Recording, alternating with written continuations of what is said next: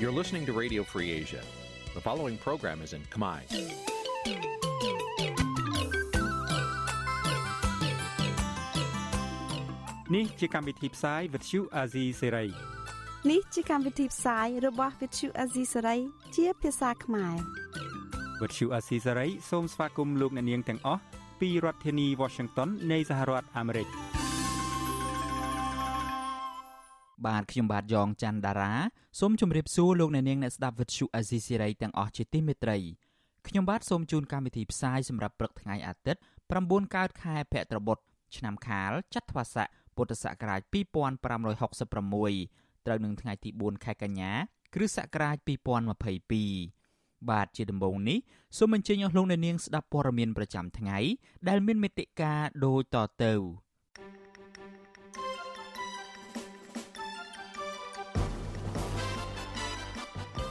ប្រជាពលរដ្ឋរិះគន់លោកព្រាបសវັດដែលបានដីរដ្ឋ3ហិកតានៅតំបន់បឹងតាម៉ោកលោកកឹមសុខាបន្តបាត់បង់សិទ្ធិនយោបាយរយៈពេល5ឆ្នាំក្រោយការចាប់ខ្លួនកោតក្រក្រុមហ៊ុន Casino NagaWorld រងការគំរាមកំហែងផ្នែកសុវត្ថិភាពកាន់តែខ្លាំងសកម្មជនបរិស្ថានទទូចឲ្យក្រសួងបរិស្ថាន ដាក់កោះកុងក្រៅជាតំបន់អភិរក្ស រួមនឹងព័ត៌មានសំខាន់សំខាន់មួយចំនួនទៀត។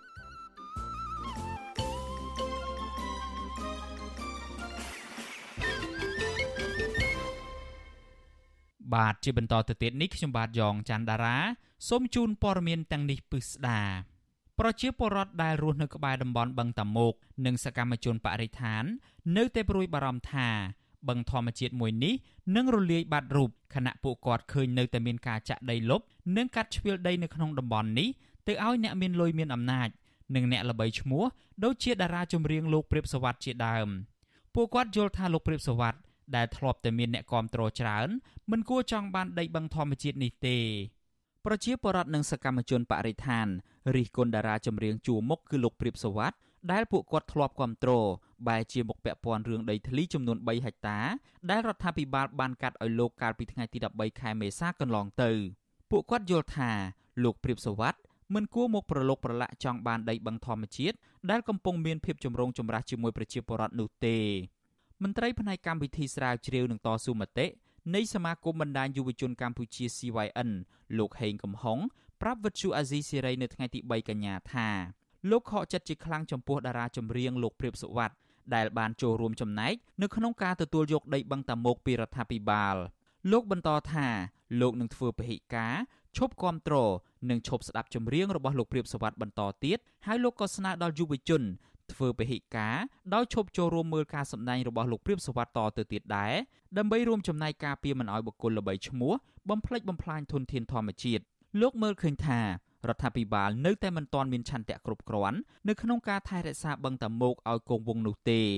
ដោយសារតែនៅមានការកាត់ជ្រៀលដីបឹងនេះឲ្យទៅមន្ត្រីក្នុងជួររដ្ឋាភិបាលនិងអ្នកមានលុយមានអំណាចជាបន្តបន្ទាប់លោកបញ្ជាក់ថាការដែលអស់បឹងធម្មជាតិនេះនឹងធ្វើឲ្យទីក្រុងជន់លិចទឹកដោយងាយម្យ៉ាងវិញទៀតនៅបឹងតាមុកនោះប្រជាពលរដ្ឋរស់នៅនឹងអាស្រ័យផលនៅលើដីបឹងនេះជាយូរមកហើយបើបាត់បង់នឹងប៉ះពាល់ដល់ជីវភាពរបស់ពួកគាត់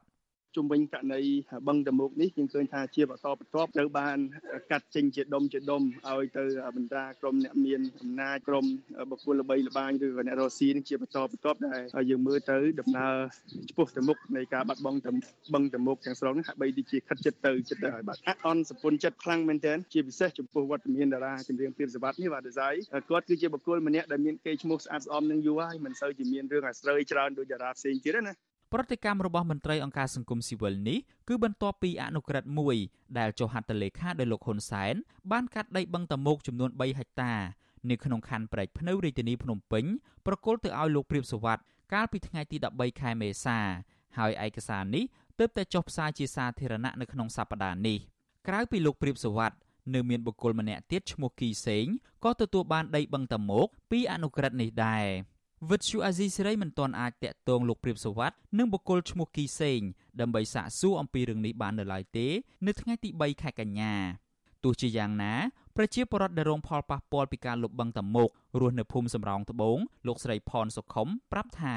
អភិបាលខណ្ឌព្រែកភ្នៅបានសន្យាថានឹងចេញបានកម្មសិទ្ធិដីធ្លីដល់ប្រជាពលរដ្ឋនៅតំបន់បឹងតាមុកក៏ប៉ុន្តែលោកស្រីនៅតែមិនទាន់មានសង្ឃឹមនោះទេពីព្រោះលោកស្រីនៅតែឃើញមានការចាក់លុបបឹងឥតឈប់ឈរ ហើយខូចខាតដល់លោចិញ្ចឹមត្រីរបស់អ្នកភូមិលោកស្រីស្នើដល់រដ្ឋាភិបាលចេញប្លង់កម្មសិទ្ធិដល់ពួកគាត់ឲ្យបានឆាប់ដោយសារពួកគាត់ព្រួយបារម្ភពីការបណ្តេញចេញដោយបង្ខំពីសំណាក់អាជ្ញាធរមូលដ្ឋាន។ គាត់មិនគិតពីលោកលឿននេះទេទៅមិនក៏បានគាត់អាស្រ័យផលពីកែដូនតាមកហើយគាត់ចង់ថាបើប៉ាដោះស្រាយឲ្យគាត់ទៅមិនទៅទៀមទីឯណាហួសពីសមត្ថភាពទេអអូនចិត្តតែមានព្រួយបារម្ភហើយលិចទេប៉ុន្តែយើងទៅធ្វើមិនយើងសំរៀនណាយើងមានសិទ្ធិអីទេអូនសូមមកមេត្តាថាឲ្យគាត់ចាក់ប៉ះអីឲ្យគាត់ដោះស្រាយទៅតែប៉ុណ្្នឹងទេមិនគិតអីហួនណាស់ទេអូនគាត់ថាថាប៉ះសងណាដោះស្រាយសងណាបើតែដល់គាត់ចាក់លុបគាត់អត់ដល់ផងហ្នឹងវាវាខុសវាខុសពីពាក្យគាត់និយាយវិទ្យុអាស៊ីសេរីមិនអាចតាក់ទងសុំការបំភ្លឺជុំវិញបញ្ហានេះពីប្រធានអង្គភិបអ្នកនាំពាក្យរដ្ឋាភិបាលលោកផៃស៊ីផានបានទេ នៅថ្ងៃទី3ខែកញ្ញាដោយទូរស័ព្ទចូលតែពុំមានអ្នកទទួល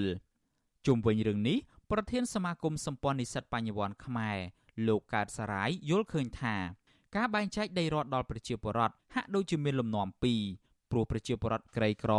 ដែលទទូចសុំបានកម្មសិទ្ធិដីពីរដ្ឋាភិបាលមិនឃើញមានការចាត់ចែងឲ្យប្រជាពលរដ្ឋដោយសមរម្យនោះទេប៉ុន្តែមន្ត្រីរាជការ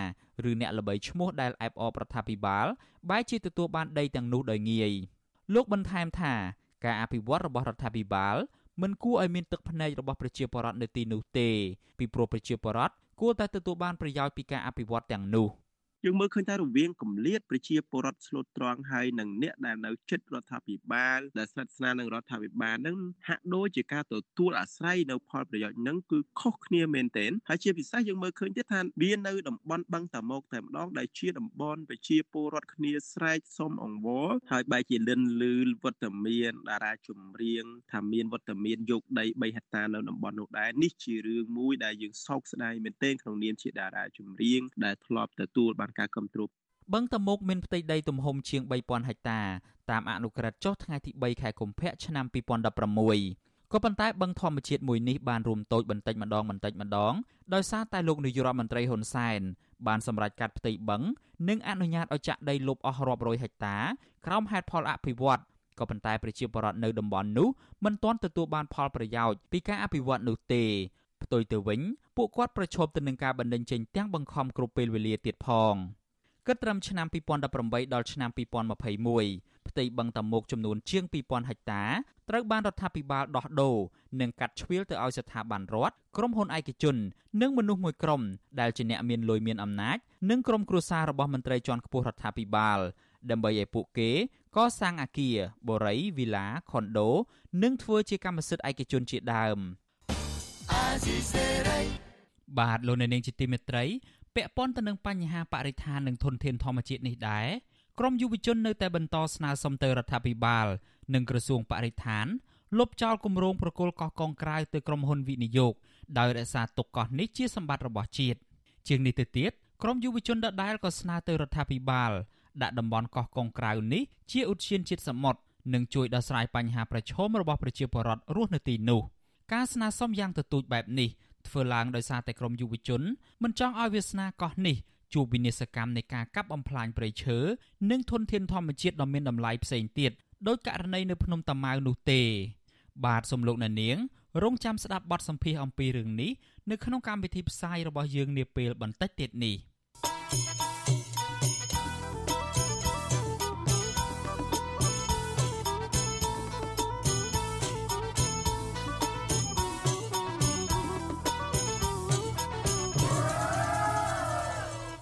បាទលោកនៅនាងជាទីមេត្រីពាក់ព័ន្ធទៅនឹងបញ្ហាក្តីក្តាំរបស់ប្រធានគណៈបកប្រឆាំងឯនេះវិញ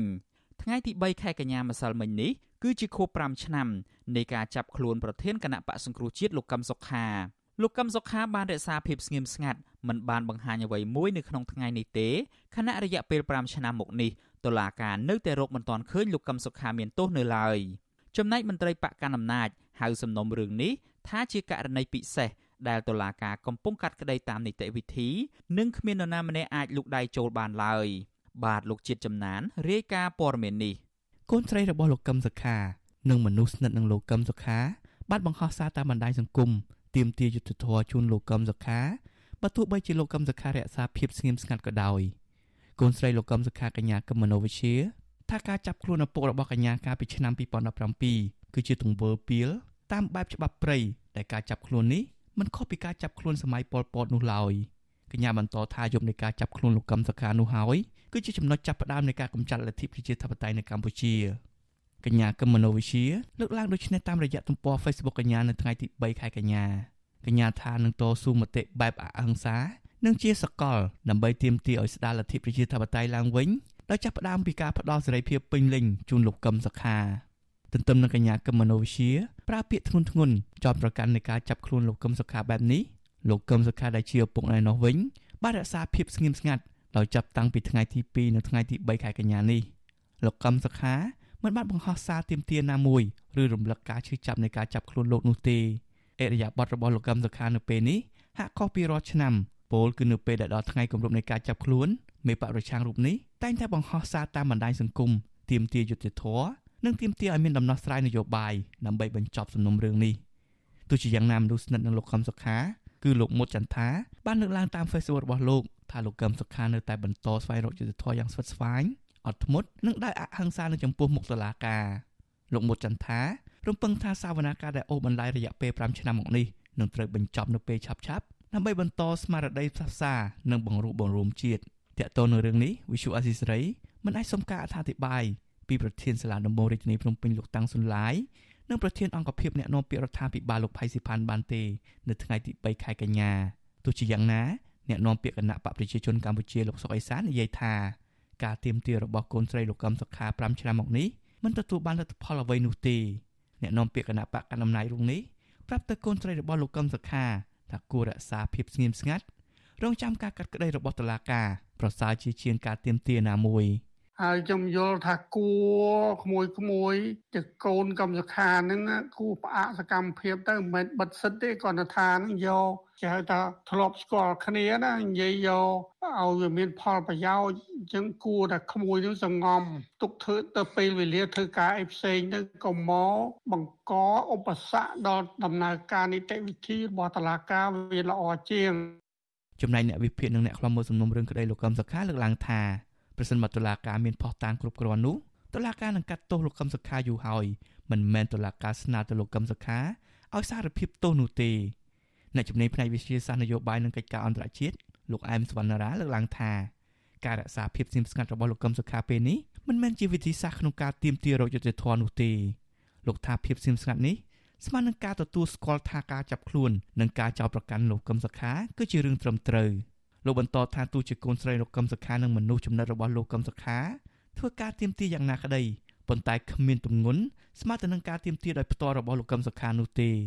អឺបើយើងមើលទៅលោកកម្មសខាគាត់មិនដឹងថាគាត់ទទួលយកការណែនាំរបស់អ្នកនាំពាក្យអ្នកនយោបាយខាងគណៈបកកណ្ដាលអំណាចឬក៏លោកកម្មសខាខ្លួនឯងគាត់អស់កម្លាំងពលលាំងនៅក្នុងការតតាំងក្តីយើងមិនទាន់ដឹងទេប៉ុន្តែកាលណាអ្នកនយោបាយនៅស្ងាត់បែបនេះវាអត់មានស្អីក្រៅពីការ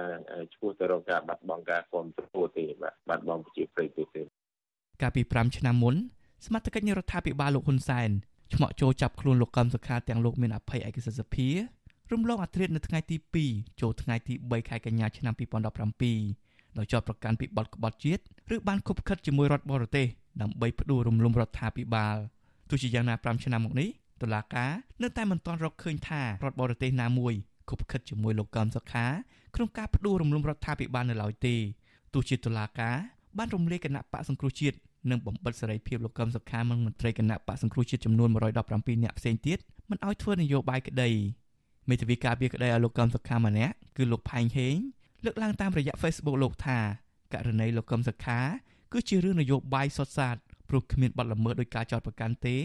បើទោះបីជាការចោទប្រកាន់នោះមានអង្គហេតុបង្ហាញខ្លះៗក៏ដោយលោកស្នើទៅតុលាការត្រូវហ៊ានច្រានចោលបណ្ដឹងដែលមានចរិតនយោបាយនេះចោលហើយតុលាការគួរតែប្រាប់ទៅអ្នកនយោបាយថារឿងនេះមិនស្ថិតក្រោមសមត្ថកិច្ចតុលាការនោះទេនិងស្នើឲ្យអ្នកនយោបាយដោះស្រាយរឿងនេះក្រោមដំបូលរដ្ឋធម្មនុញ្ញ ដែលព្រះមហាក្សត្រមានព្រះរាជទូនីតិជាអ្នកផ្សះផ្សាជាតិនិងបង្រួបបង្រួមជាតិប្រសិនបើគ្មានការប្រែប្រួលនោះទេសំណុំរឿងនេះតុលាការក្រុងភ្នំពេញនឹងបន្តសវនាការលើកទី55លើករណីលោកកឹមសុខានៅថ្ងៃពុធសប្តាហ៍ក្រោយថ្ងៃទី7ខែកញ្ញាខខ្ញុំបាទជាចំណាន Visual Assisray ប្រធានាទី Washington បាទលោកនាងជាទីមេត្រី តកតងទៅនឹងបញ្ហាអ្នកជាប់ឃុំនយោបាយវិញមន្ត្រីគណៈបកភ្លើងទៀននិងប្រពន្ធសកម្មជនបកប្រឆាំងដែលរងគ្រោះពីការប្រើអំពើហិង្សាឲ្យដឹងថាពួកគាត់អស់សង្ឃឹមនឹងរិះគន់អាជ្ញាធរដែលគ្មានឆន្ទៈវែកមុខរកជនល្មើសយកមកដាក់ទោសទណ្ឌសង្គមស៊ីវិលយល់ថាអាជ្ញាធរគួរដោះស្រាយរឿងនេះឲ្យបានឆាប់ពីព្រោះករណីនេះប៉ះពាល់ដល់សិទ្ធិរបស់អ្នកជាប់ឃុំនិងរងការរិះគន់ពីសំណាក់ប្រជាពលរដ្ឋថាជាការរើសអើងសកម្មជនបកប្រឆាំង ឬអ្នកដែលមាននិន្នាការនយោបាយផ្ទុយពីខ្លួន បាទលោកយុនសាមៀនរាយការណ៍ព័ត៌មាននេះមន្ត្រីនិងប្រពន្ធសកម្មជនគណៈបកប្រឆាំងខកចិត្តចំពោះអាញាធរដែលអូសបន្លាយពេលវេលាមិនរកយុត្តិធម៌ឲ្យពួកគេ ក្នុងករណីលួចប្រើអំពើហិង្សាក្នុងនិងក្រៅពន្ធនាគារពួកគេលើកឡើងថាការអូសបន្លាយពេលរោគយុតិធធកាន់តែយូរបែបនេះបង្ហាញថាអាញាធរអសមត្ថភាពក្នុងការវេចមុខរោគជនដៃដល់ មកឲ្យទទួលទោសចំពោះមុខច្បាប់អនុប្រធានគណៈបកភ្លើងទៀននៅខណ្ឌពូសែនជ័យរាជធានីភ្នំពេញលោកណុលពុទ្ធរិទ្ធប្រាប់វិទ្យុអាស៊ីសេរីនៅថ្ងៃទី3ខែកញ្ញាថាលោកព្រួយបារម្ភពីសវត្ថភាពដោយមិនហ៊ានចេញដើរហើរផ្ដេសផ្ដាស់ព្រោះជនដៃដល់ដែលប៉ុនប៉ងយកជីវិតលោកនៅមិនទាន់ត្រូវបានសមត្ថកិច្ចចាប់ខ្លួននៅឡើយប៉ុន្តែលោកថាទោះបីពេលនេះលោកអស់សង្ឃឹមនឹងអាជ្ញាធរក៏ដោយ ក៏លោកគ្មានពិធីអ្វីផ្សេងក្រៅតែពីរងចាំមើលបន្តទៀតនោះឡើយមកដល់ម៉ោងនេះខ្ញុំជាក់ស្ដែងករណីខ្លួនខ្ញុំបានខាងអាជ្ញាធរលោកអត់ទាន់បានរកឃើញឬក៏យ៉ាងណាឬក៏ជួនដំណឹងមកខ្ញុំថាយ៉ាងម៉េចជួនសង្ស័យនឹងរបៀបណាអីយ៉ាងម៉េចមិនយ៉ាងម៉េចមកឲ្យខ្ញុំជួនបណ្ដាឲ្យខ្ញុំបានដឹងក៏អត់ទាន់មើលឃើញដែរលោកណុលពុទ្ធិរិទ្ធគឺជាអនុប្រធានក្រុមការងារគណៈបកភ្លើងទៀនខណ្ឌពោធិ៍សែនជ័យរាជធានីភ្នំពេញ លោកត្រូវបានជន់មិនស្គាល់មុខព្រួតវាយជាលើកទី2បណ្ដាលឲ្យរងរបួសបែកក្បាលធ្ងន់ធ្ងរកាលពីថ្ងៃទី17ខែកក្កដាទោះបីមានតម្រុយរូបភាពវីដេអូកាមេរ៉ាសវត្ថិភាពបង្ហាញពីអត្តសញ្ញាណជនល្មើសនិងស្លាកលេខម៉ូតូដែលពួកគេប្រើប្រាស់ធ្វើសកម្មភាពក្តីក៏សមត្ថកិច្ចនៅមិនទាន់ចាប់ជនបង្កមកផ្ដន់ទោសបាននៅឡើយ។ស្រដៀងគ្នានេះដែរប្រពន្ធសកម្មជនគណៈបកប្រឆាំងនៅខេត្តស្វាយរៀងលោកញ៉ែមវៀន គឺលោកស្រីពៅសរនឲ្យដឹងថាប្តីលោកស្រីត្រូវគេវាយដំនៅក្នុងពន្ធនាគារត្រពាំង plong បណ្ដាលឲ្យរងរបួសធ្ងន់រហូតដល់កាន់ឈើច្រត់ប៉ុន្តែមន្ត្រីពន្ធនាគារហាក់អើពើមិនរកយុត្តិធម៌ឲ្យប្តីលោកស្រីនៅឡើយលោកស្រីបន្តថាមន្ត្រីពន្ធនាគារនៅទីនេះឬអើងនឹងមានបំណងការពារមន្ត្រីពន្ធនាគារនិងក្រុមជើងកាងដែលបានប្រើអំពើហិង្សាវាយធ្វើបាបប្តីលោកស្រី លោកស្រីថាលោកស្រីអស់សង្ឃឹមនឹងគ្មានការជឿជាក់លើប្រព័ន្ធយុត្តិធម៌របស់រដ្ឋាភិបាលទៀតឡើយគណៈប្តីលោកស្រីកំពុងជាប់ពន្ធនាគារយ៉ាងអយុត្តិធម៌ហើយត្រូវទទួលរងការប្រើអំពើហិង្សាបន្ថែមទៀតមើលមកខ្ញុំមកឲ្យតែអង្គការលីកាដូអង្គការខាងសិទ្ធិមនុស្សអមេធាវីឲ្យជួយទាំងអស់អង្គការជួយខ្ញុំ ខ្ញុំគ្មានទីពឹងអ្នកណាទៅខ្ញុំនិយាយជឿចាប់ជឿចាប់វាវាពោះពីជឿចាប់ឯងលោកពូជឿចាប់មែនតើណាដើមចង់ទៅមុខ លោកញ៉ែមវៀនអាយុ68ឆ្នាំ គឺជាសមាជិកគណៈកម្មាធិការប្រតិបត្តិនៃគណៈបកសង្គ្រោះជាតិខេត្តស្វាយរៀងលោកត្រូវបានអាជ្ញាធរខេត្តចាប់ដាក់ពន្ធនាគារដោយសារលោកគាំទ្រដំណើរវិលចូលស្រុករបស់លោកសំរងស៊ីកាលពីខែវិច្ឆិកាឆ្នាំ2019តែលោកត្រូវដោះលែងវិញក្រោយព្រឹត្តិការណ៍នោះ លោកត្រូវបានអាជ្ញាធរចាប់ខ្លួនម្ដងទៀតកាលពីដើមខែមេសាឆ្នាំ2020ហើយតុលាការរាជធានីភ្នំពេញផ្តន្ទាទោសដាក់ពន្ធនាគារចំនួន5ឆ្នាំពីបទរួមគំនិតក្បត់ លោកត្រូវបានអាជ្ញាធរពន្ធនាគារផ្ទេរពីពន្ធនាគារព្រៃសរក្នុងរាជធានីភ្នំពេញទៅពន្ធនាគារត្រពាំង plong ខេត្តត្បូងឃ្មុំជាប់ព្រំដែនប្រទេសវៀតណាមជាមួយសកម្មជនគណៈបកសង្គ្រោះជាតិចំនួន13នាក់ផ្សេងទៀតកាលពីថ្ងៃទី21ខែសីហាហើយត្រូវបានមន្ត្រីពន្ធនាគារនិងជើងកាងនៅក្នុងពន្ធនាគារនោះវាយដំបណ្ដាលឲ្យធ្លាក់ខ្លួនឈឺ វិទ្យុអាស៊ីសេរីមិនទាន់អាចតាក់ទងណែនាំពាក្យស្នងការនគរបាលរាជធានីភ្នំពេញលោកសានសុកសីហានិងអ្នកនាំពាក្យអគ្គនាយកដ្ឋានពន្ធនាគារលោកនុតសាវណ្ណាដើម្បីសូមការបកស្រាយរឿងនេះបានទេនៅថ្ងៃទី3ខែកញ្ញានេះ។ជុំវិញរឿងនេះនាយកទទួលបន្ទុកកិច្ចការទូតផ្នែកសិទ្ធិមនុស្សអង្គការលីកាដូលោកអំសំអាតលើកឡើងថាប្រសិនបើសមត្ថកិច្ចនិងរដ្ឋាភិបាលមិនចង់ឲ្យមានការរិះគន់ទេនោះអាជ្ញាធរត្រូវតែមានឆន្ទៈ ស្វះស្វែងវែកមុខជនបង្កទាំងនោះមកទទួលទោសតាមផ្លូវច្បាប់លោកថាជាងនេះទៅទៀតចំពោះករណីអំពើហិង្សាក្នុងពន្ធនាគារអាជ្ញាធរពាក់ព័ន្ធដាច់ខាតត្រូវតែយកចិត្តទុកដាក់ទៅលើបញ្ហានេះត្បិតអំពើទាំងនេះមិនត្រឹមតែធ្វើឲ្យប៉ះពាល់ដល់សិទ្ធិរបស់អ្នកជាប់ឃុំប៉ុណ្ណោះទេប៉ុន្តែវាអាចប៉ះពាល់ដល់អាយុជីវិតផងដែរអញ្ចឹងដើម្បីបំបត្តិនៅការរិះគន់ទាំងអស់នេះគឺអាជ្ញាធរដែលមានសមត្ថកិច្ច ត្រូវតែបង្ហាញអំពីការស៊ើបអង្កេតដោយដំណាភាពនិងយុត្តិធម៌ហើយធានាថាជនដែលប្រព្រឹត្តឬក៏អ្នកពាក់ព័ន្ធនឹងត្រូវបាននាំទៅដន្ទាទោសតាមផ្លូវច្បាប់កន្លងមកមានករណីប្រើអំពើហិង្សាលើមន្ត្រីនិងសកម្មជនគណៈបកប្រឆាំងកើតឡើងជាបន្តបន្ទាប់ ពិសេសនៅពេលគណៈបកប្រឆាំងមានប្រជាប្រិយភាពជាងគណៈបកកាន់អំណាចក្នុងករណីខ្លះសមត្ថកិច្ចមិនបានចាប់ជនបង្កមកផ្ដន្ទាទោសឡើយហើយករណីខ្លះទៀតសមត្ថកិច្ចបានចាប់ខ្លួនជនបង្កយកទៅកាត់ទោសប៉ុន្តែជនទាំងនោះត្រូវបានគេដោះលែងក្រោយអនុវត្តទោសបានមួយចំនួននិងត្រូវបានគេដំឡើងឋានន្តរស័ក្តិជាការលើកទឹកចិត្តបន្ថែមទៀតផងខ្ញុំយុនសាមៀនវិទ្យុអាស៊ីសេរីប្រធានាធិបតី Washington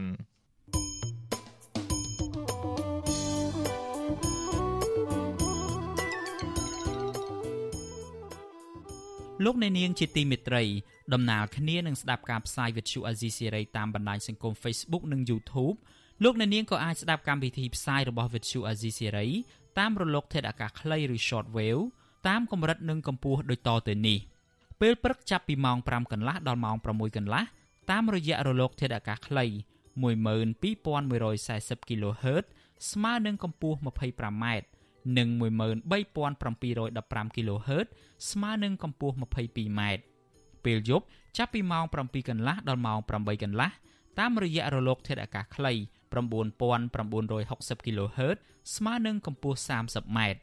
12140 kHz ស្មើនឹងកម្ពស់ 25m និង11885 kHz ស្មើនឹងកម្ពស់ 25m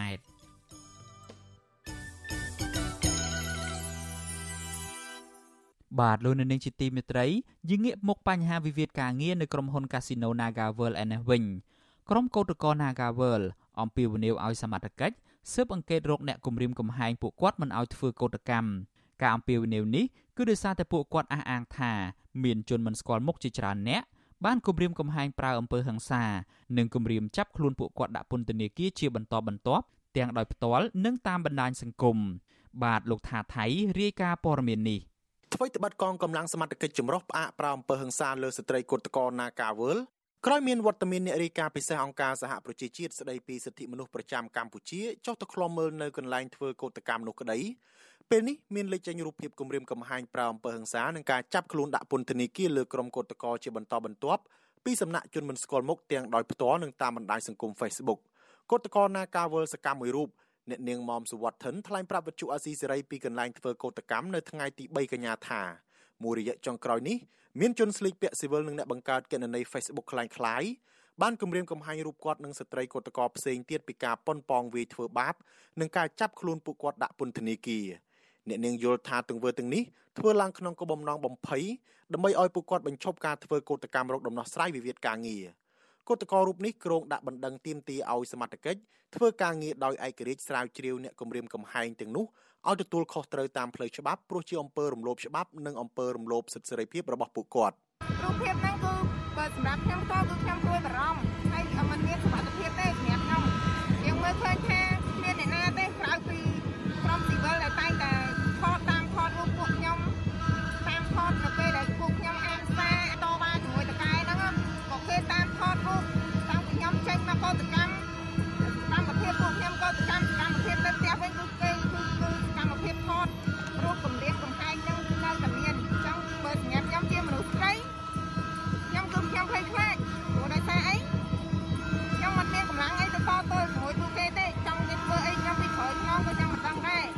ក្រុមកុតកោណាការវើលប្រមាណ100នាក់នៅថ្ងៃទី3កញ្ញាក៏បន្តរលឆ្លងកាត់បារាសនិងកងកម្លាំងសមត្ថកិច្ចចម្រុះជាច្រើនអ្នកទៅប្រមូលផ្ដុំគ្នាលើកបដានិងស្រែកតវ៉ានៅខាងមុខក្រុមហ៊ុន Nagaworld ដើម្បីរកដំណោះស្រាយវិវាទការងារជូនពួកគាត់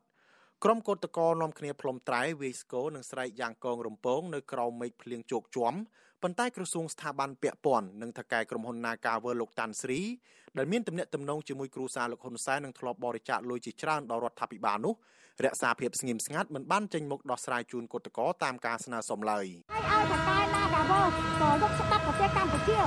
ព្រោះថកែ Nagaworld ជាជនជាតិបរទេសលោកម្ករកស៊ីលើទឹកដីស្រុកខ្មែរលោកត្រូវតែគោរពច្បាប់ប្រទេសកម្ពុជាមិនមែនលោកជនជាតិម៉ាឡេលោកជាជនបរទេស មករកស៊ីលើទឹកដីស្រុកខ្មែរលោកជាស្ដាប់មកពីម៉ាឡេមករកស៊ីលើទឹកដីស្រុកខ្មែរទេហើយឈប់ធ្វើបាបកម្មករខ្មែរឈប់ទម្លាប់បំពេញសិទ្ធិការងារកម្មករខ្មែរទៀតចាឈប់ទឹកដីហើយឈប់ប្រើកម្មករខ្មែរដូចជាទាសករទៀតពួកខ្ញុំជាកម្មករពួកខ្ញុំមិនមែនជាទាសករទេតកតងករណីគម្រាមកំហែងលើក្រុមគុតកោនេះវិទ្យុអាស៊ីសេរីមិនអាចសុំការឆ្លើយតបពីអ្នកនាំពាក្យស្នងការដ្ឋាននគរបាលរាជធានីភ្នំពេញលោកសានសុកសីហាបានទេដោយទូរស័ព្ទចូលពុំមានអ្នកទទួល រីឯអ្នកនាំពាក្យគណៈបកកណ្ដាលអំណាចលោកសុកអេសានវិញថ្លែងថាលោកមិនព្រួយបារម្ភពីការបាត់បង់ប្រជាប្រិយភាពគណៈបកប្រជាជនកម្ពុជានោះទេចំពោះការមិនអើពើរឿងវិវាទការងារនៅក្នុងក្រុមហ៊ុន Nagavel នេះលោកថាករណីទំនាស់ការងារនេះខាងក្រសួងការងារបានជួយសម្របសម្រួលរួចហើយប៉ុន្តែក្រុមគឧតកោចេះតែបន្តចង់ចូលទៅធ្វើការវិញទាំងថៅកែមិនព្រមទទួល។ ហើយមូលហេតុទេបានយើងចង់ទៅនៅកន្លែងហ្នឹងបើតកែគេសិទ្ធគេគេមិនព្រមយកហើយបើសិទ្ធគេមិនព្រមយកនៅយើងនៅធ្វើការហ្នឹងសួរថាណាណាចេញប្រាក់ខែឲ្យបើតកែអត់បើកប្រាក់ខែឲ្យអាហ្នឹងដែលមានទំនាស់នោះហើយយើងចេះតែប្រើសិទ្ធថាជាសិទ្ធរបស់យើងហើយអតកែគេប្រើសិទ្ធរបស់គេតែថាសិទ្ធគេមានលុយបនទុនរកស៊ីបើគេមិនឲ្យឯងធ្វើការឯងមកធ្វើការធ្វើមិនកើតអាហ្នឹងណាហើយរដ្ឋាភិបាលអត់កាន់ជើងខាងណាទេវិវាទនៅក្នុងក្រុមហ៊ុនកាស៊ីណូ Naga World នេះកើតឡើងដោយសារក្រុមហ៊ុន បញ្ឈប់បុគ្គលិកជាង1000នាក់ដែលភ ieck ច្រើនជាថ្នាក់ដឹកនាំនិងសមាជិកសហជីពបន្ទាប់ពីក្រុមពួកគេក្រុងទៀមទាដំឡើងប្រាក់ឈ្នួលសមរម្យក្រុមហ៊ុនលើកហេតុផលថាជួបវិបត្តិហិរញ្ញវត្ថុប៉ុន្តែក្រុមហ៊ុនបែរជាប្រកាសរើសបុគ្គលិកថ្មីដើម្បីជំនួសបុគ្គលិកដែលកំពុងតវ៉ាព្រមទាំងសាងសង់អគារកាស៊ីណូថ្មីបន្ថែមទៀត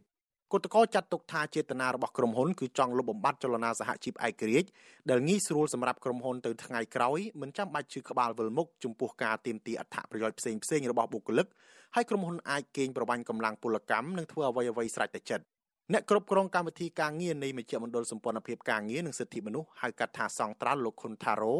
មានប្រសាសន៍ថាក្រុមហ៊ុននិងអាជ្ញាធរ គួរតែបញ្ឈប់ការគម្រាមកំហែងគ្រប់ទម្រង់ហើយងាកមកដោះស្រាយវិវាទការងារនេះជូនគឧតកោវិញទើបជារឿងត្រឹមត្រូវ។អញ្ចឹងបើសិនជាអាជ្ញាធរមានសមត្ថកិច្ចដើរតួនាទីនៅក្នុងការអនុវត្តច្បាប់ហើយការបកស្រាយច្បាប់ឲ្យរឿងធំត្រូវទៅខ្ញុំគិតថាវិវាទការងារនេះអាចដោះស្រាយបានហើយក៏ប៉ុន្តែកន្លងមកនេះក្រសួងដោះស្រាយតាក់ទងទៅរឿងតែសំណងតែ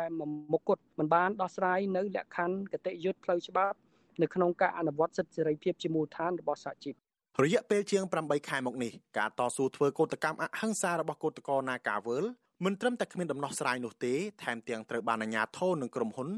ប្រើវិធីជាច្រើនដើម្បីធ្វើទុកបុកម្នេញឲ្យពួកគេបោះបង់ចោលការតវ៉ាក្រមមន្ត្រីដែលនៅក្បែរកូនប្រុសរបស់លោកហ៊ុនសែនគឺលោកហ៊ុនម៉ាណែតនិងតំណាងរាជគណៈបកកណ្ដាលអំណាចនាំគ្នាលៀបពណ៌ក្រុមគឧតកោដែលរងគ្រោះបាត់បង់ការងារទៅពាក់ព័ន្ធនឹងរឿងនយោបាយ ការចោតប្រកាន់ដោយគ្មានមូលដ្ឋានទាំងនេះហើយបានធ្វើឲ្យក្រុមគឧតកោ Nagawal ជាច្រើនអ្នកជាស្ត្រីត្រូវបានអាជ្ញាធរថ្នាក់ក្រោមចាប់ដាក់គុកវេទាត់ធាក់រហូតស្ត្រីខ្លះបែកមុខបែកមាត់និងស្ត្រីម្នាក់រលូតកូនក្នុងផ្ទៃអ្នកខ្លំមើលយល់ថាមូលហេតុដែលក្រុមហ៊ុន Nagavel មានប្រវត្តិធ្វើទុកបុកម្នេញសហជីពមួយនេះពន្យាពេលដោះស្រាយវិវាទការងារព្រោះក្រុមហ៊ុនអាងក្នុងរដ្ឋាភិបាលលោកហ៊ុនសែននឹងរងការចោទថាមានទំនាក់ទំនងផលប្រយោជន៍រួមគ្នាទៀតផងខ្ញុំថាថៃពីទីក្រុងមែលប៊ន លោកអ្នកនាងជាទីមេត្រីវិទ្យុអាស៊ីសេរីសូមជូនដំណឹងថាយើងគ្មានអ្នកយកព័ត៌មានប្រចាំនៅប្រទេសកម្ពុជាទេប្រសិនបើមានជនណាម្នាក់អះអាងថាជាអ្នកយកព័ត៌មានឲ្យវិទ្យុអាស៊ីសេរីនៅកម្ពុជានោះគឺជាការក្លែងបន្លំយកឈ្មោះអាស៊ីសេរីទៅប្រើនៅក្នុងគោលបំណងទុច្ចរិតណាមួយរបស់បុគ្គលនោះតែប៉ុណ្ណោះបាទសូមអរគុណ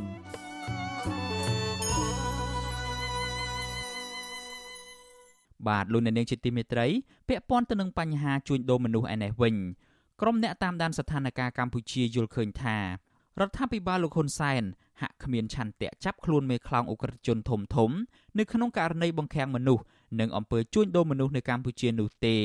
ពួកគេបន្តថាការបង្ក្រាបរបស់សមត្ថកិច្ចទៅលើជនសង្ស័យជាជនជាតិចិនកន្លងមកនោះគឺធ្វើឡើងឲ្យតែល្អមើលតែប៉ុណ្ណោះ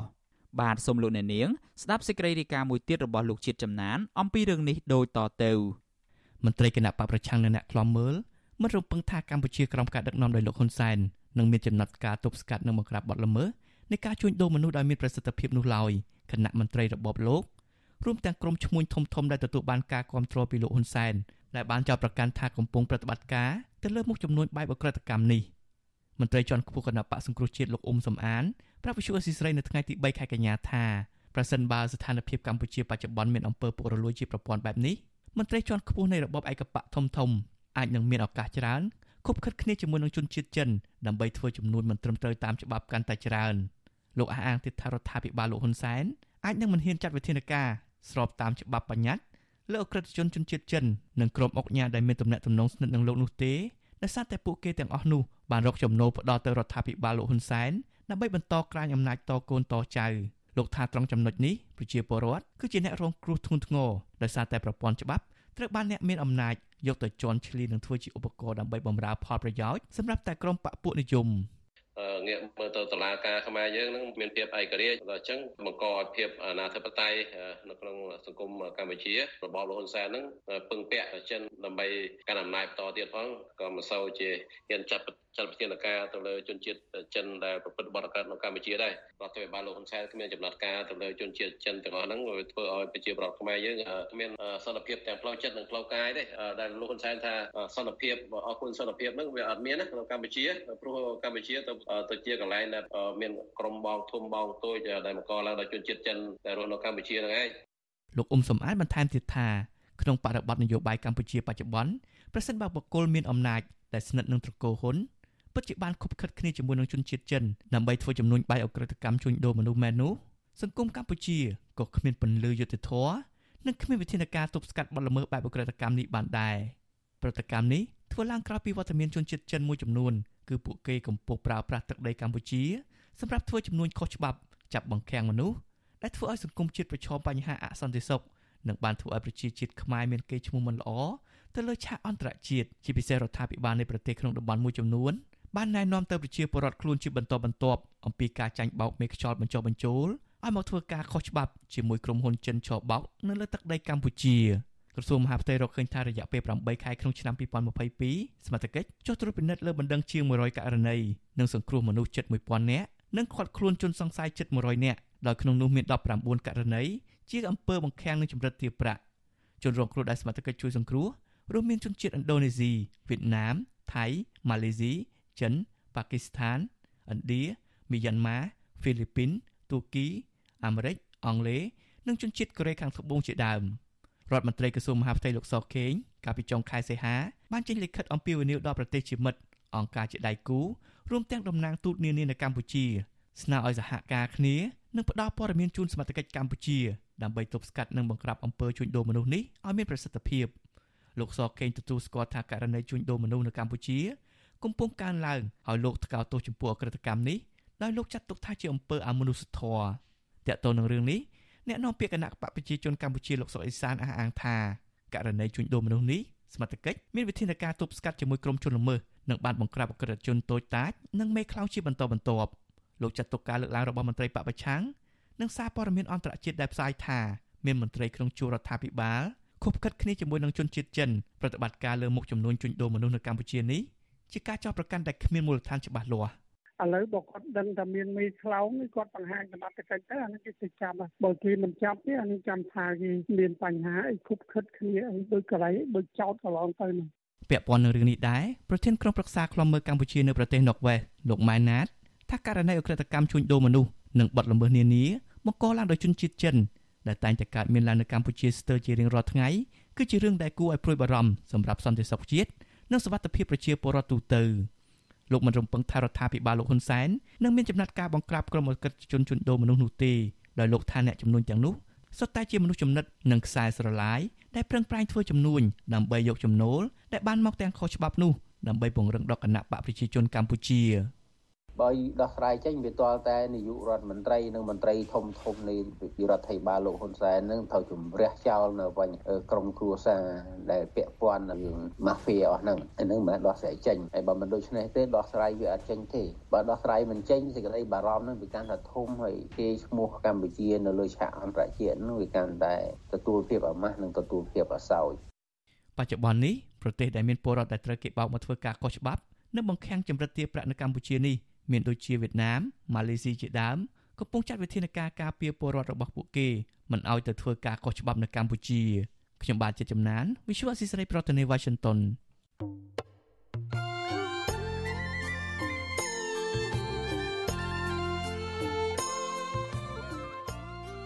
បលោកអ្នកនាងជាទីមេត្រី នៅក្នុងឱកាសនេះដែរខ្ញុំបាទសូមថ្លែងអំណរគុណដល់លោកអ្នកនាងកញ្ញាទាំងអស់ដែលតែងតែមានភក្ដីភាពចំពោះការផ្សាយរបស់យើង ហើយចាត់ទុកការស្ដាប់វិទ្យុអាស៊ីសេរីជាផ្នែកមួយនៃសកម្មភាពប្រចាំថ្ងៃរបស់លោកអ្នកនាងគឺការគ្រប់គ្រងរបស់លោកអ្នកនាងនេះហើយដែលធ្វើឲ្យយើងខ្ញុំមានទឹកចិត្តកាន់តែខ្លាំងថែមទៀតនៅក្នុងការស្វែងរកនិងផ្តល់ព័ត៌មានជូនលោកអ្នកនាងមានអ្នកស្ដាប់អ្នកទស្សនាកាន់តែច្រើនកាន់តែធ្វើឲ្យយើងខ្ញុំមានភាពស្វាហាប់មោះមុតជាបន្តទៅទៀតយើងខ្ញុំសូមអរគុណទុកជាមុនហើយសូមអញ្ជើញលោកអ្នកនាងកញ្ញា ចូលរួមជំរុញឲ្យសកម្មភាពផ្តល់ព័ត៌មានរបស់យើងនេះឲ្យកាន់តែជោគជ័យបន្ថែមទៀតលោកអ្នកនាងអាចជួយយើងខ្ញុំបានដោយគ្រាន់តែចុចចែករំលែកឬ Share ការផ្សាយរបស់យើងនៅលើបណ្ដាញសង្គម Facebook និង YouTube ទៅកាន់មិត្តភ័ក្តិដើម្បីឲ្យការផ្សាយរបស់យើងបានទៅដល់មនុស្សកាន់តែច្រើន បាទសូមអរគុណ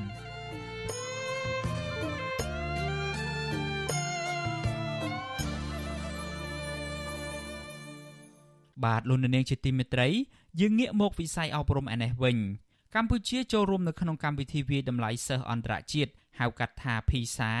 ដែលជាជំហានដ៏សំខាន់ឆ្ពោះទៅរកការស្វែងយល់អំពីលទ្ធផលសិក្សារបស់សិស្សានុសិស្សកម្មវិធីនេះពិនិត្យមើលដោយយកចិត្តទុកដាក់ទៅលើចំណេះដឹងដែលអ្នកសិក្សាបានចេះដឹងដោយវាស់វែងទៅលើការត្រៀមខ្លួនរបស់យុវជនកម្ពុជាសម្រាប់ពេលអនាគត និងដោយតម្រង់ទិសខិតខំស្ដារឡើងវិញក្រោយជំងឺ Covid-19 ការចូលរួមនេះធ្វើឡើងតាំងពីខែមិថុនាហើយរំពឹងថានឹងទទួលបានលទ្ធផលនៅដើមឆ្នាំ2023ខាងមុខក្រសួងអប់រំឲ្យដឹងនៅក្នុងសេចក្តីប្រកាសព័ត៌មានកាលពីថ្ងៃទី1ខែកញ្ញាថាគំនិតផ្ដួចផ្ដើមនេះត្រូវបានដឹកនាំនិងផ្ដល់ថវិកាមួយផ្នែកដោយក្រសួងអប់រំជាមួយនឹងវិភាគទានបន្ថែមពីមូលនិធិភាពជាដៃគូសម្រាប់អភិវឌ្ឍសមត្ថភាពវិស័យអប់រំគាំទ្រដោយប្រទេសមួយចំនួនទៀតរួមមានសហភាពអឺរ៉ុប ទីភ្នាក់ងារសហរដ្ឋអាមេរិកដើម្បីអភិវឌ្ឍអន្តរជាតិនិងអង្គការអន្តរជាតិមួយចំនួនទៀតទិន្នន័យរបស់កម្មវិធី PISA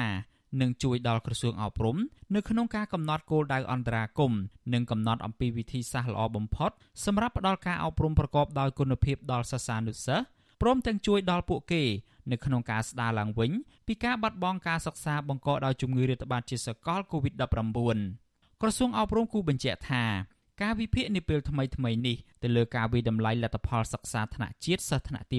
6ដែលគាំទ្រដោយមូលនិធិភាពជាដៃគូសម្រាប់អភិវឌ្ឍសមត្ថភាពវិស័យអប់រំបានរកឃើញយ៉ាងច្បាស់នៅការបាត់បង់ការសិក្សាយ៉ាងធ្ងន់ធ្ងរសម្រាប់សិស្សានុសិស្សដោយសារតែការបិទសាលារៀនបណ្ដាលមកពីជំងឺ Covid-19 ក្រសួងអប់រំសង្កត់ធ្ងន់ថាការស្វែងយល់អំពីកម្រិតសិក្សាបច្ចុប្បន្នរបស់កុមារផ្ដល់នូវទិន្នន័យផ្អែកទៅលើភស្តុតាងសម្រាប់អ្នកធ្វើសេចក្តីសម្រេចចិត្ត ដើម្បីគ្រប់គ្រងកាន់តែប្រសើរដល់សាលារៀនគ្រូបង្រៀននិងសិស្សានុសិស្សក្នុងការផ្ដល់នូវទិសដៅនិងបង្ហាញនូវមាគ៌ាស្ដារការសិក្សាឡើងវិញ ហើយជាលទ្ធផល គឺសំដៅទៅរកការបង្រៀននិងការរៀនសូត្រដ៏មានគុណភាពប្រសើរនាពេលខាងមុខ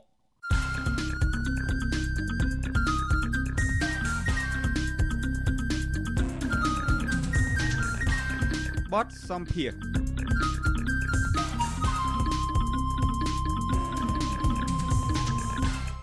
បាទលោកអ្នកនាងជាទីមេត្រីក្រមយុវជននៅតែបន្តស្នើសុំទៅរដ្ឋាភិបាល និងក្រសួងបរិស្ថានលុបចោលគម្រោងប្រគល់កោះកុងក្រៅទៅក្រុមហ៊ុនវិនិយោគដោយរក្សាទុកកោះនេះជាសម្បត្តិរបស់ជាតិជាងនេះទៅទៀតក្រមយុវជនដដែលក៏ស្នើទៅរដ្ឋាភិបាលដាក់តំបន់កោះកុងក្រៅនេះជាឧទ្យានជាតិសមុទ្រនិងជួយដោះស្រាយបញ្ហាប្រឈមរបស់ប្រជាពលរដ្ឋរស់នៅទីនោះការស្នើសុំយ៉ាងទទូចបែបនេះធ្វើឡើងដោយសារតែក្រមយុវជនមិនចង់ឲ្យវាសនាកោះនេះ ជួបវិនិស្សកម្មនៃការកាប់បំផ្លាញព្រៃឈើនិងធនធានធម្មជាតិដ៏មានតម្លៃផ្សេងទៀតដោយករណីនៅភ្នំតាម៉ៅនោះទេ បាទសំលោកអ្នកនាង ស្ដាប់បទសម្ភាសរបស់លោកសេកបណ្ឌិត ជាមួយយុវជនពីររូបគឺលោកលីច័ន្ទដារាវុធជាសកម្មជនចលនាមេដាធម្មជាតិនិងកញ្ញាឆាយហុងមៃជាសិស្សនៅវិទ្យាល័យមួយនៅខេត្តសៀមរាបដូចតទៅ ឥឡូវនេះចង់ឲ្យតារាវុធដំបូងគេចង់ឲ្យតារាវុធបង្ហាញអំពីដំណើរទស្សនកិច្ចទៅកោះកុងក្រៅការវិភាគថ្មីថ្មីនេះដូចជាម្ដុំថ្ងៃទី26ខែសីហាកន្លងទៅនោះតើបន្ទាប់ពីទស្សនកិច្ចហើយឃើញវិសាលភាពនៃការកោះកុងនៃការអវត្តចុងក្រោយនេះវាមានការវិវត្តឬមួយក៏វាស្ថិតនៅក្នុងស្ថានភាពយ៉ាងម៉េចហ្នឹងហើយខ្ញុំសូមបញ្ជាក់បន្តិចថាដំណើរទស្សនកិច្ចរបស់យើងគឺយើងមានគោលបំណងសំខាន់ហ្នឹងគឺធ្វើឲ្យកូនខ្មែរយើងចាប់ផ្ដើមស្គាល់កោះកុងក្រៅមានអារម្មណ៍ ស្រឡាញ់កោះកុងក្រៅហើយចាប់ដើមការពារតំបន់នេះហើយជាលទ្ធផលយើងឃើញថាយើងបាននាំយុវជនទៅមើលច្រើនមែនទែនជាពិសេសនៅឆ្នេរទី3ដែលយើងឃើញនៅក្នុងវីដេអូដែលខាងអាស៊ីសេរីបានចាក់ផ្សាយហ្នឹងឃើញថាវាមានភាពស្អាតមែនទែនដែលវាស្អាតសឹងតែស្មើនឹងសឹងតែដូចជាកោះលំដាប់ថ្នាក់ពិភពលោកអញ្ចឹងណាហើយមួយហ្នឹងគឺ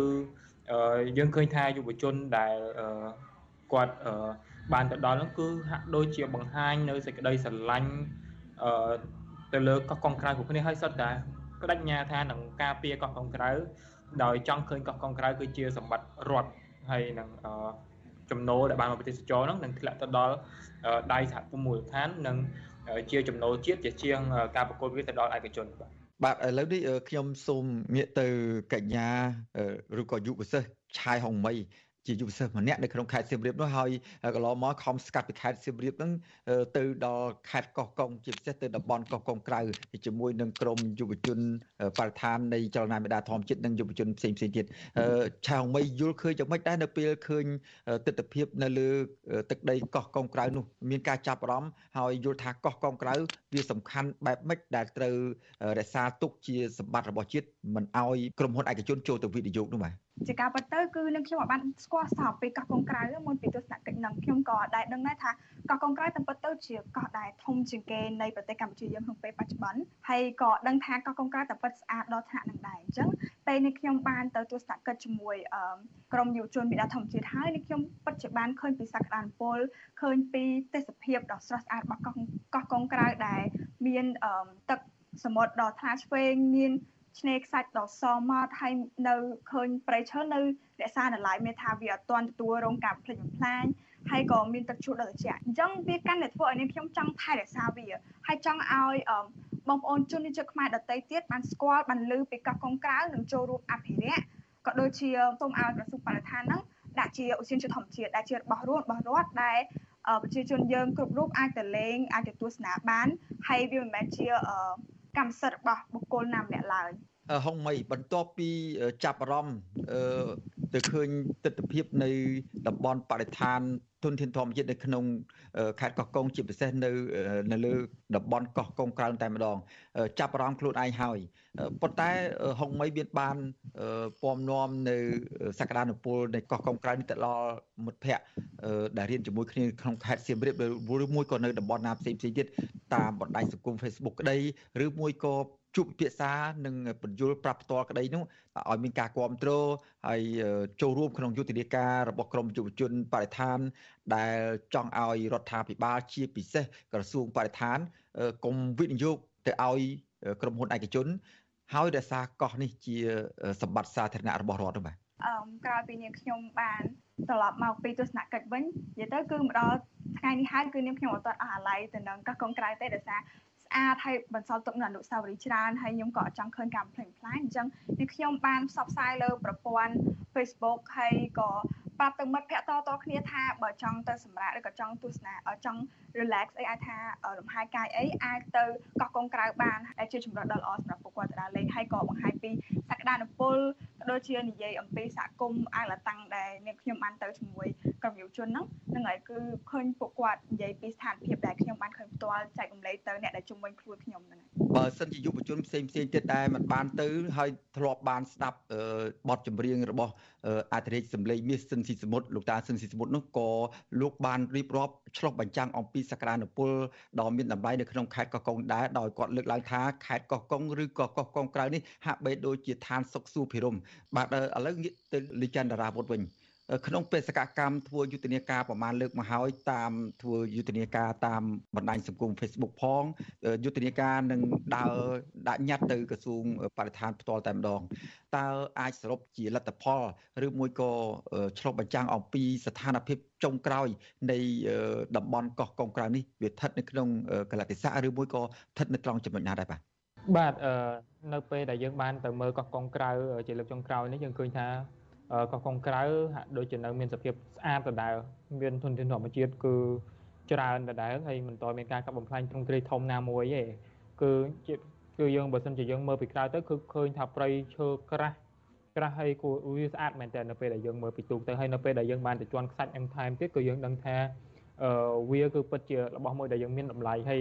បើសិនជាយើងអត់ចង់ចង់ដឹងថាតម្លៃវាខ្ពស់ប៉ុណ្ណាយើងអាចប្រៀបធៀបបានបើសិនយើងទៅមើលឆ្នេរបាក់ខ្លងគ្រាន់តែទឹក គ្រាន់តែទឹករលកវាយមកត្រូវខ្សាច់ចឹងប្រែខ្លាចទៅជាខ្មៅឬក៏យើងទៅអឺលេងឆ្នេរកែបឬក៏ឆ្នេរប្រសិទ្ធអនុដែលសុទ្ធតែទឹកលូមានតែពួកចិនលេងហ្នឹងយើងទៅមើលកោះកុងក្រៅយើងឃើញថាកោះកុងក្រៅគឺស្អាតដាច់គេមែនតើហើយសឹងតែអាចថាជាខ្ញុំអាចហៅថាជាឆ្នេរសមុទ្រដែលស្អាតជាងគេនៅក្នុងប្រទេសកម្ពុជាអាចតាក់ទាញបានចំណូលរាប់រយលានដុល្លារបើមិនជាយើងគ្រប់គ្រងបានល្អមួយវិញទៀត ជាបច្ចុប្បន្នភាពដែលយើងបានឃើញហ្នឹងគឺយើងឃើញថាប្រជាពលរដ្ឋខ្មែរនៅតែចាប់អារម្មណ៍ទៅលើកោះកុងក្រៅជាក់ស្ដែងយើងបានឃើញនៅវីដេអូដែលពួកយើងបានធ្វើយុទ្ធនាការចុងក្រោយដែលស៊ីសេរីកំពុងចាក់ហ្នឹងគឺយើងបានពាក់មួកពាក់អង្តែនហើយឃើញថាមានអ្នកចូលមើលទៅក្នុងវីដេអូហ្នឹងគឺជាង1លានជាង1លានដងហើយក្រោយមកទៀតគឺយើងឃើញថាមានយុវជនច្រើនមែនតើបាន មកស្នើសុំយើងចូលរួមការពារកោះកុងក្រៅដែរហើយបានប្រាប់យើងថាបើថ្ងៃណាមួយយើងធ្វើយុទ្ធនាការអីគេអាចហៅយើងយើងអាចទៅពឹងពាក់គេបានហើយមួយវិញទៀតគឺយើងឃើញថាក្រសួងបរិស្ថានហាក់ដូចជាមានបំណងកិច្ចវេះមិនឆ្លើយតបជាមួយយើងទេអ្វីដែលពាក់ព័ន្ធជាមួយកោះកុងក្រៅគឺហាក់ដូចជាគេបិទចិត្តមិនបញ្ចេញព័ត៌មានចេញមកក្រៅទៅបីជាអ្នកសារព័ត៌មានខលទៅសម្ភាសឬក៏ស្នើសុំបទសម្ភាសតាមវិធីណាក្តីគឺគេអត់ឆ្លើយទេខ្ញុំយល់ថាវាហាក់ដូចជាបំណងរបស់ក្រសួងបរិស្ថានហើយខ្ញុំ មិនដឹងថាហេតុអីបានគេមានបំណងបែបហ្នឹងឯងព្រោះយើងគ្រាន់តែស្នើសុំព័ត៌មានអំពីការសិក្សាទៅលើកោះកុងក្រៅហើយនឹងព័ត៌មានអំពីដំណើរការដាក់ជាឧស្សាហជាតិដែលខ្លួនឯងបានបានសន្យាគេតាំងពីប្រហែលឆ្នាំមុនហ្នឹងថានឹងដាក់ជាឧស្សាហជាតិនៅឆ្នាំ2021ហ្នឹងជាក់ស្ដែងមកដល់2022ហើយនៅតែមិនទាន់ដាក់ជាឧស្សាហជាតិទៀតអញ្ចឹងខ្ញុំចង់បានមែនតើក្រសួងបរិស្ថានឲ្យមកឆ្លើយតបជាមួយក្រមយុវជនហើយជាពិសេសហ្នឹងគឺពួកគាត់គឺមានទូនាទីក្នុងការឆ្លើយតបជាមួយពួកយើងមិនមែនគិតថាពួកយើងហ្នឹងគឺជាក្មេងគ្រាន់តែសួរទៅមិនខ្វល់ណា អាហ្នឹងបើសិនជាក្រសួងបរិស្ថានយល់ថាខ្លួនឯងមិនឆ្លើយតបទៅនឹងសំណើរបស់យុវជនហើយគិតថាយុវជននឹងភ្លេចរឿងហ្នឹងខុសហើយលេងមួយមនុស្សខុសហើយខ្ញុំនឹងនិយាយរឿងកោះកុងក្រៅរហូតតតែគេយកស្កុតមកបិទមាត់ខ្ញុំឲ្យតែខ្ញុំមានពេលនិយាយគឺខ្ញុំនឹងនិយាយរឿងកោះកុងក្រៅបើយុបើសិនជាក្រសួងបរិស្ថានយល់ថាខ្លួនឯងមិននិយាយហើយគិតថាយើងនឹងទុកឲ្យវាសាបរលាបបាត់ទៅគិតថាយើងធ្វើវាតាមមួយឆៅយល់ខុសហើយយើងនឹងធ្វើរហូតតតែកោះកុងក្រៅខ្លាចជាអូសៀនជាតិហើយកោះកុងក្រៅត្រូវបានថែរក្សាដោយ ប្រជាជននៅតំបន់នោះដោយប្រជាជនខ្មែរនិងដោយរដ្ឋាភិបាលផ្ទាល់มันអាចគេចវេះបានទេហើយមួយទៀតហ្នឹងសូមឆ្លើយតបនឹងញត្តិរបស់យុវជនផងកុំកុំរំលងទូនាទីរបស់ខ្លួនក្នុងរដ្ឋធម្មនុញ្ញបានចែងច្បាស់ណាស់ថាក្រសួងគឺត្រូវតែឆ្លើយតបយមទៅរដ្ឋាភិបាលត្រូវតែឆ្លើយតបទៅនឹងសំណើរបស់ប្រជាពលរដ្ឋយ៉ាងយ៉ាងយកចិត្តទុកដាក់បើមិនជាខ្លួនឯងមិនឆ្លើយតបនោះហើយគឺដើរខុសរដ្ឋធម្មនុញ្ញ បាទអរគុណវិទ្យុអសីសេរីក៏នឹងព្យាយាមជាបន្តទៀតដែរដើម្បីសុំសម្ភាសឬមួយក៏សុំមតិយោបល់ឆ្លើយតបពាក់ព័ន្ធនឹងសំណើរបស់ក្រមយុវជន ដែលស្នើសុំឲ្យរក្សាទុកតំបន់កោះកុងក្រៅនេះកុំឲ្យមានក្រមហ៊ុនទៅចូលទៅវិនិយោគតំបន់នោះហើយសូមឲ្យប្រជាពលរដ្ឋនិងរដ្ឋាភិបាលអាជ្ញាធរវិនិយោគដោយខ្លួនឯងដោយដាក់តំបន់នោះជាឧទ្យានជាតិសមុទ្របាទឥឡូវនេះសូមងាកទៅហុងមីវិញ យើងដឹងហើយថាតំបន់ខេត្តកោះកុងនេះហាក់បីដូចជាស្ថិតនៅកដោយកដែងបន្តិចជាប់នឹងតំបន់ព្រំដែនកម្ពុជាថៃនៅភូមិនិរដីហុងមីធ្លាប់រស់នៅធំដឹងក្តី សិក្សារៀនសូត្រនៅក្នុងខេត្តសៀមរាបដែលជាខេត្តមួយដែលគេមើលឃើញគ្រប់គ្នាថាមានសក្តានុពលផ្នែកខាងទេសចរក្រោយពីហុងមីទៅទស្សនកិច្ចនៅកោះកុងក្រៅហើយគិតថានឹងមានគំនិតអ្វីដែលចង់ចូលរួមអភិវឌ្ឍកែច្នៃតំបន់កោះកុងក្រៅដែលមានសក្តានុពលផ្នែកបរិស្ថាននិងធនធានធម្មជាតិនេះឲ្យមានការចាប់អារម្មណ៍ច្រើនដូចនៅតំបន់សៀមរាបដែលមានប្រាសាទអង្គរវត្តផងនោះបាទ សម្រាប់នេះខ្ញុំខ្ញុំគិតថាយើងអត់គួរតែអភិវឌ្ឍសាងសង់អគារធំធំការបំផ្លាញព្រៃឈើហើយសាងសង់ដូចថាផ្ទះសំណាក់ឬក៏អូតែលធំធំឬភោជនីយដ្ឋានអីយើងគ្រាន់តែអាចថាធ្វើវាឲ្យទៅជាការអភិវឌ្ឍបៃតងដែលយើងថែរក្សាព្រៃឈើហើយយើងអត់បំផ្លិចបំផ្លាញទេនិយាយទៅគឺការអភិវឌ្ឍនេះធ្វើម៉េចគឺការអភិរក្សមិនមែនបំផ្លាញនោះទេដូចថាយើងអាចអភិវឌ្ឍឲ្យមាន ទូកឲ្យមានអីកាន់តែច្រើនដើម្បីឲ្យពួកគាត់អាចជិះបាន ទៅធ្វើដំណើរស្រួលលើឆ្នេរហើយក៏ក៏ដូចជាធ្វើអាចថាកន្លែងលំហែកាយបែបធម្មជាតិនៅលើឆ្នេរផ្សេងផ្សេងបានផងដែរលោកគ្រូបាទអរគុណយុវជនដែលឆ្លៃប្រធាននឹងមិនឈប់និយាយទេអំពីបញ្ហាការអភិវឌ្ឍនៅតំបន់កោះកុងក្រៅនេះក៏ប៉ុន្តែចង់ដឹងថារបៀបធ្វើនៃការផ្សព្វផ្សាយឬរបៀបធ្វើនៃយុទ្ធនាការហ្នឹងនឹងបង្ហាញរូបភាពអីទៀតប្លែកពីពេលដែលធ្លាប់ធ្វើកន្លងមកនេះណាបាទ បាទចំពោះរឿងនេះខ្ញុំមិនអាចប្រាប់បានប៉ុន្តែខ្ញុំជឿថាអ្នកទាំងអស់គ្នាដឹងហើយមេដាធម្មជាតិបើមិនប្លែកគឺមិនចាញ់ទេគឺពួកយើងនឹងធ្វើឲ្យក្រសួងបរិស្ថានភ្ញាក់ផ្អើលនៅអ្វីដែលយើងអាចធ្វើបានហើយពួកយើងគឺជាក្រុមសកម្មជនដែលមានភាពច្នៃប្រឌិតដែលមានភាពក្លាហានជាសកម្មជនដែលមានប្រសិទ្ធភាពពួកយើងអត់និយាយហើយយើងអត់ធ្វើទេហើយជំរឿនតែមួយឯងអ្នកឯងដាក់កោះកុងក្រៅជាឧឈានជាតិឬក៏អ្នកបង្ក្រាបមកលើក្រុមយុវជនដែលគ្រាន់តែស្រឡាញ់បរិស្ថានហើយចោទគ្នាថាក្បត់ជាតិមានតែពីរហ្នឹងឯង ហើយបើសិនជាគាត់ថាជំរឿសល្អក្រសួងគួរតែដាក់កោះកុងក្រៅជាឧឈានជាតិទៅយកទឹកចិត្តពលរដ្ឋទៅព្រោះឲ្យចិត្តបោះឆ្នោតហើយ2023ហ្នឹងនឹងបោះឆ្នោតហើយអញ្ចឹងគួរតែយកចិត្តពលរដ្ឋខ្លះទៅបាទ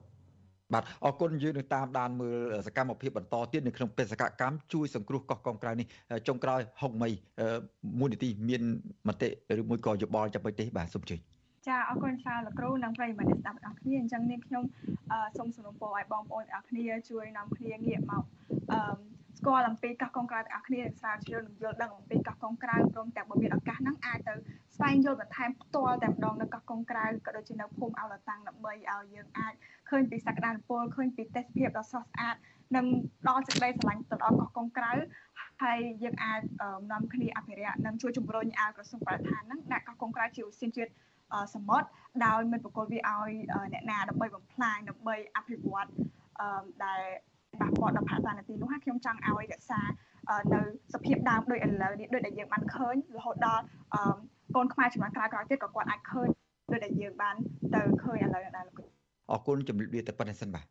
លោកអ្នកនាងទើបបានស្ដាប់បទសម្ភាសន៍របស់លោកសេកបណ្ឌិតជាមួយយុវជន និងសកម្មជនបរិស្ថានតាក់ទងទៅនឹងការស្នើសុំឲ្យក្រសួងបរិស្ថានរក្សាទុកកោះកុងក្រៅជាសម្បត្តិរបស់ជាតិ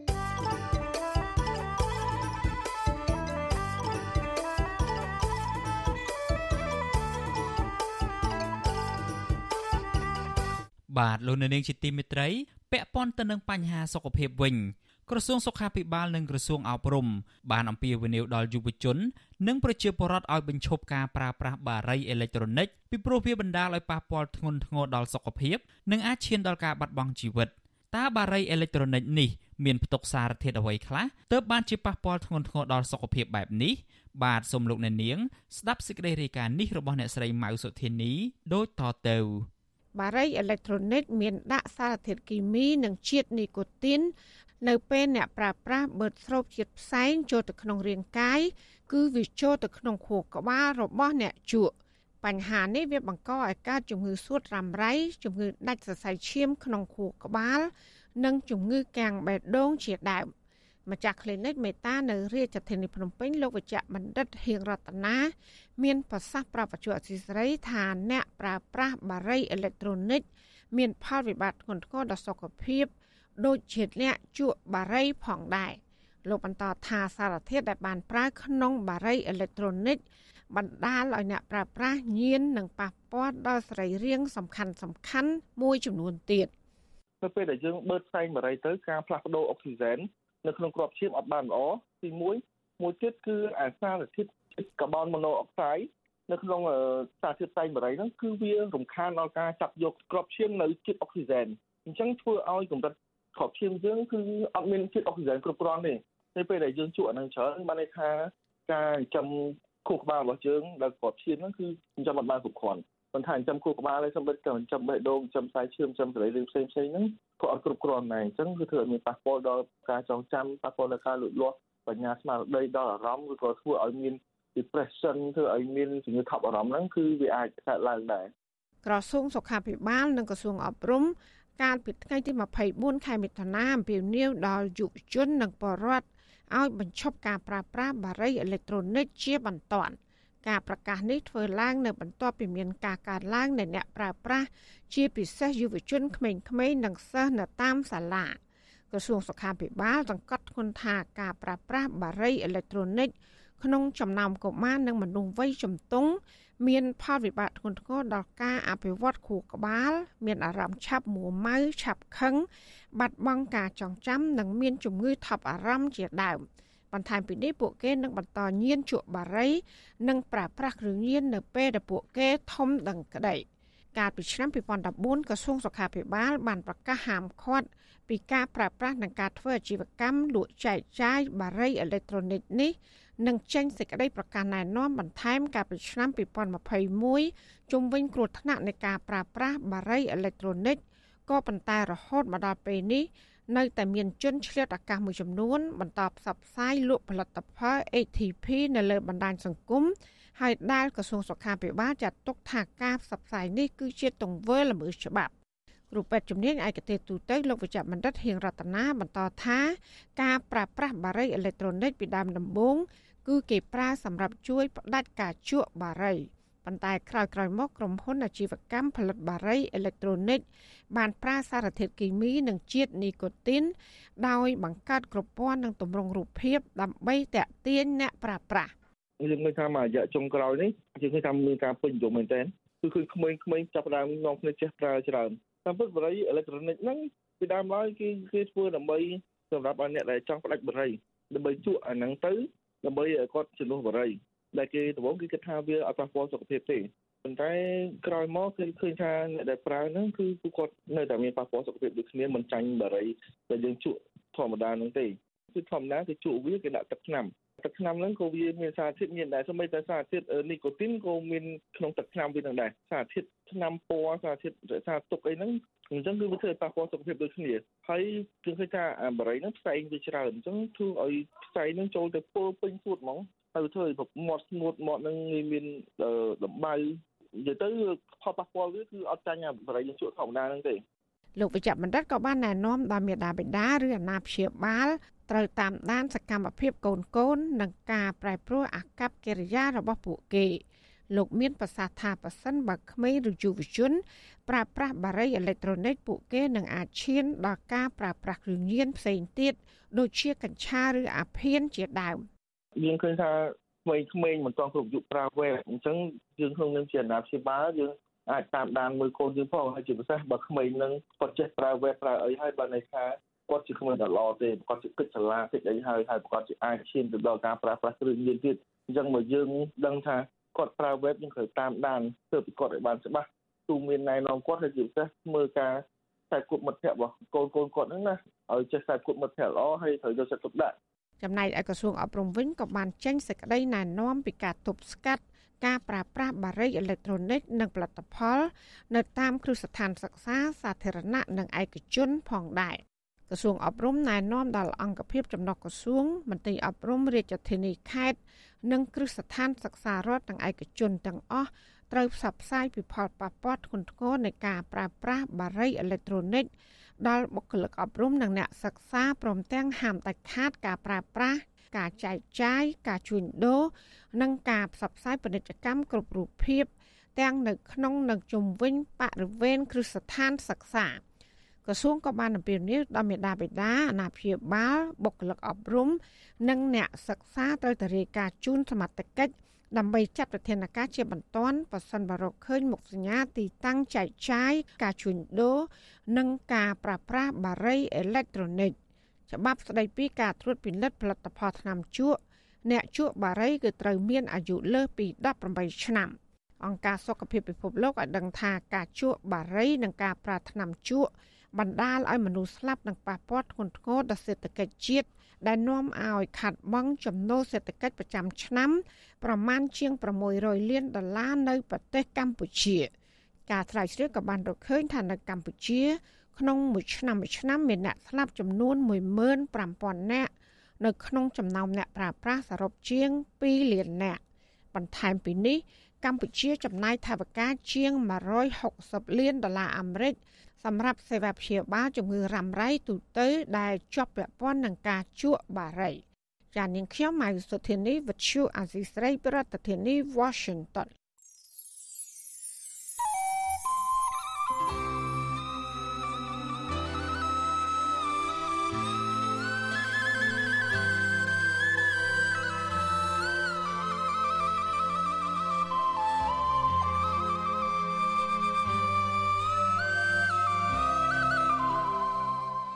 លោកអ្នកនាងជាទីមេត្រី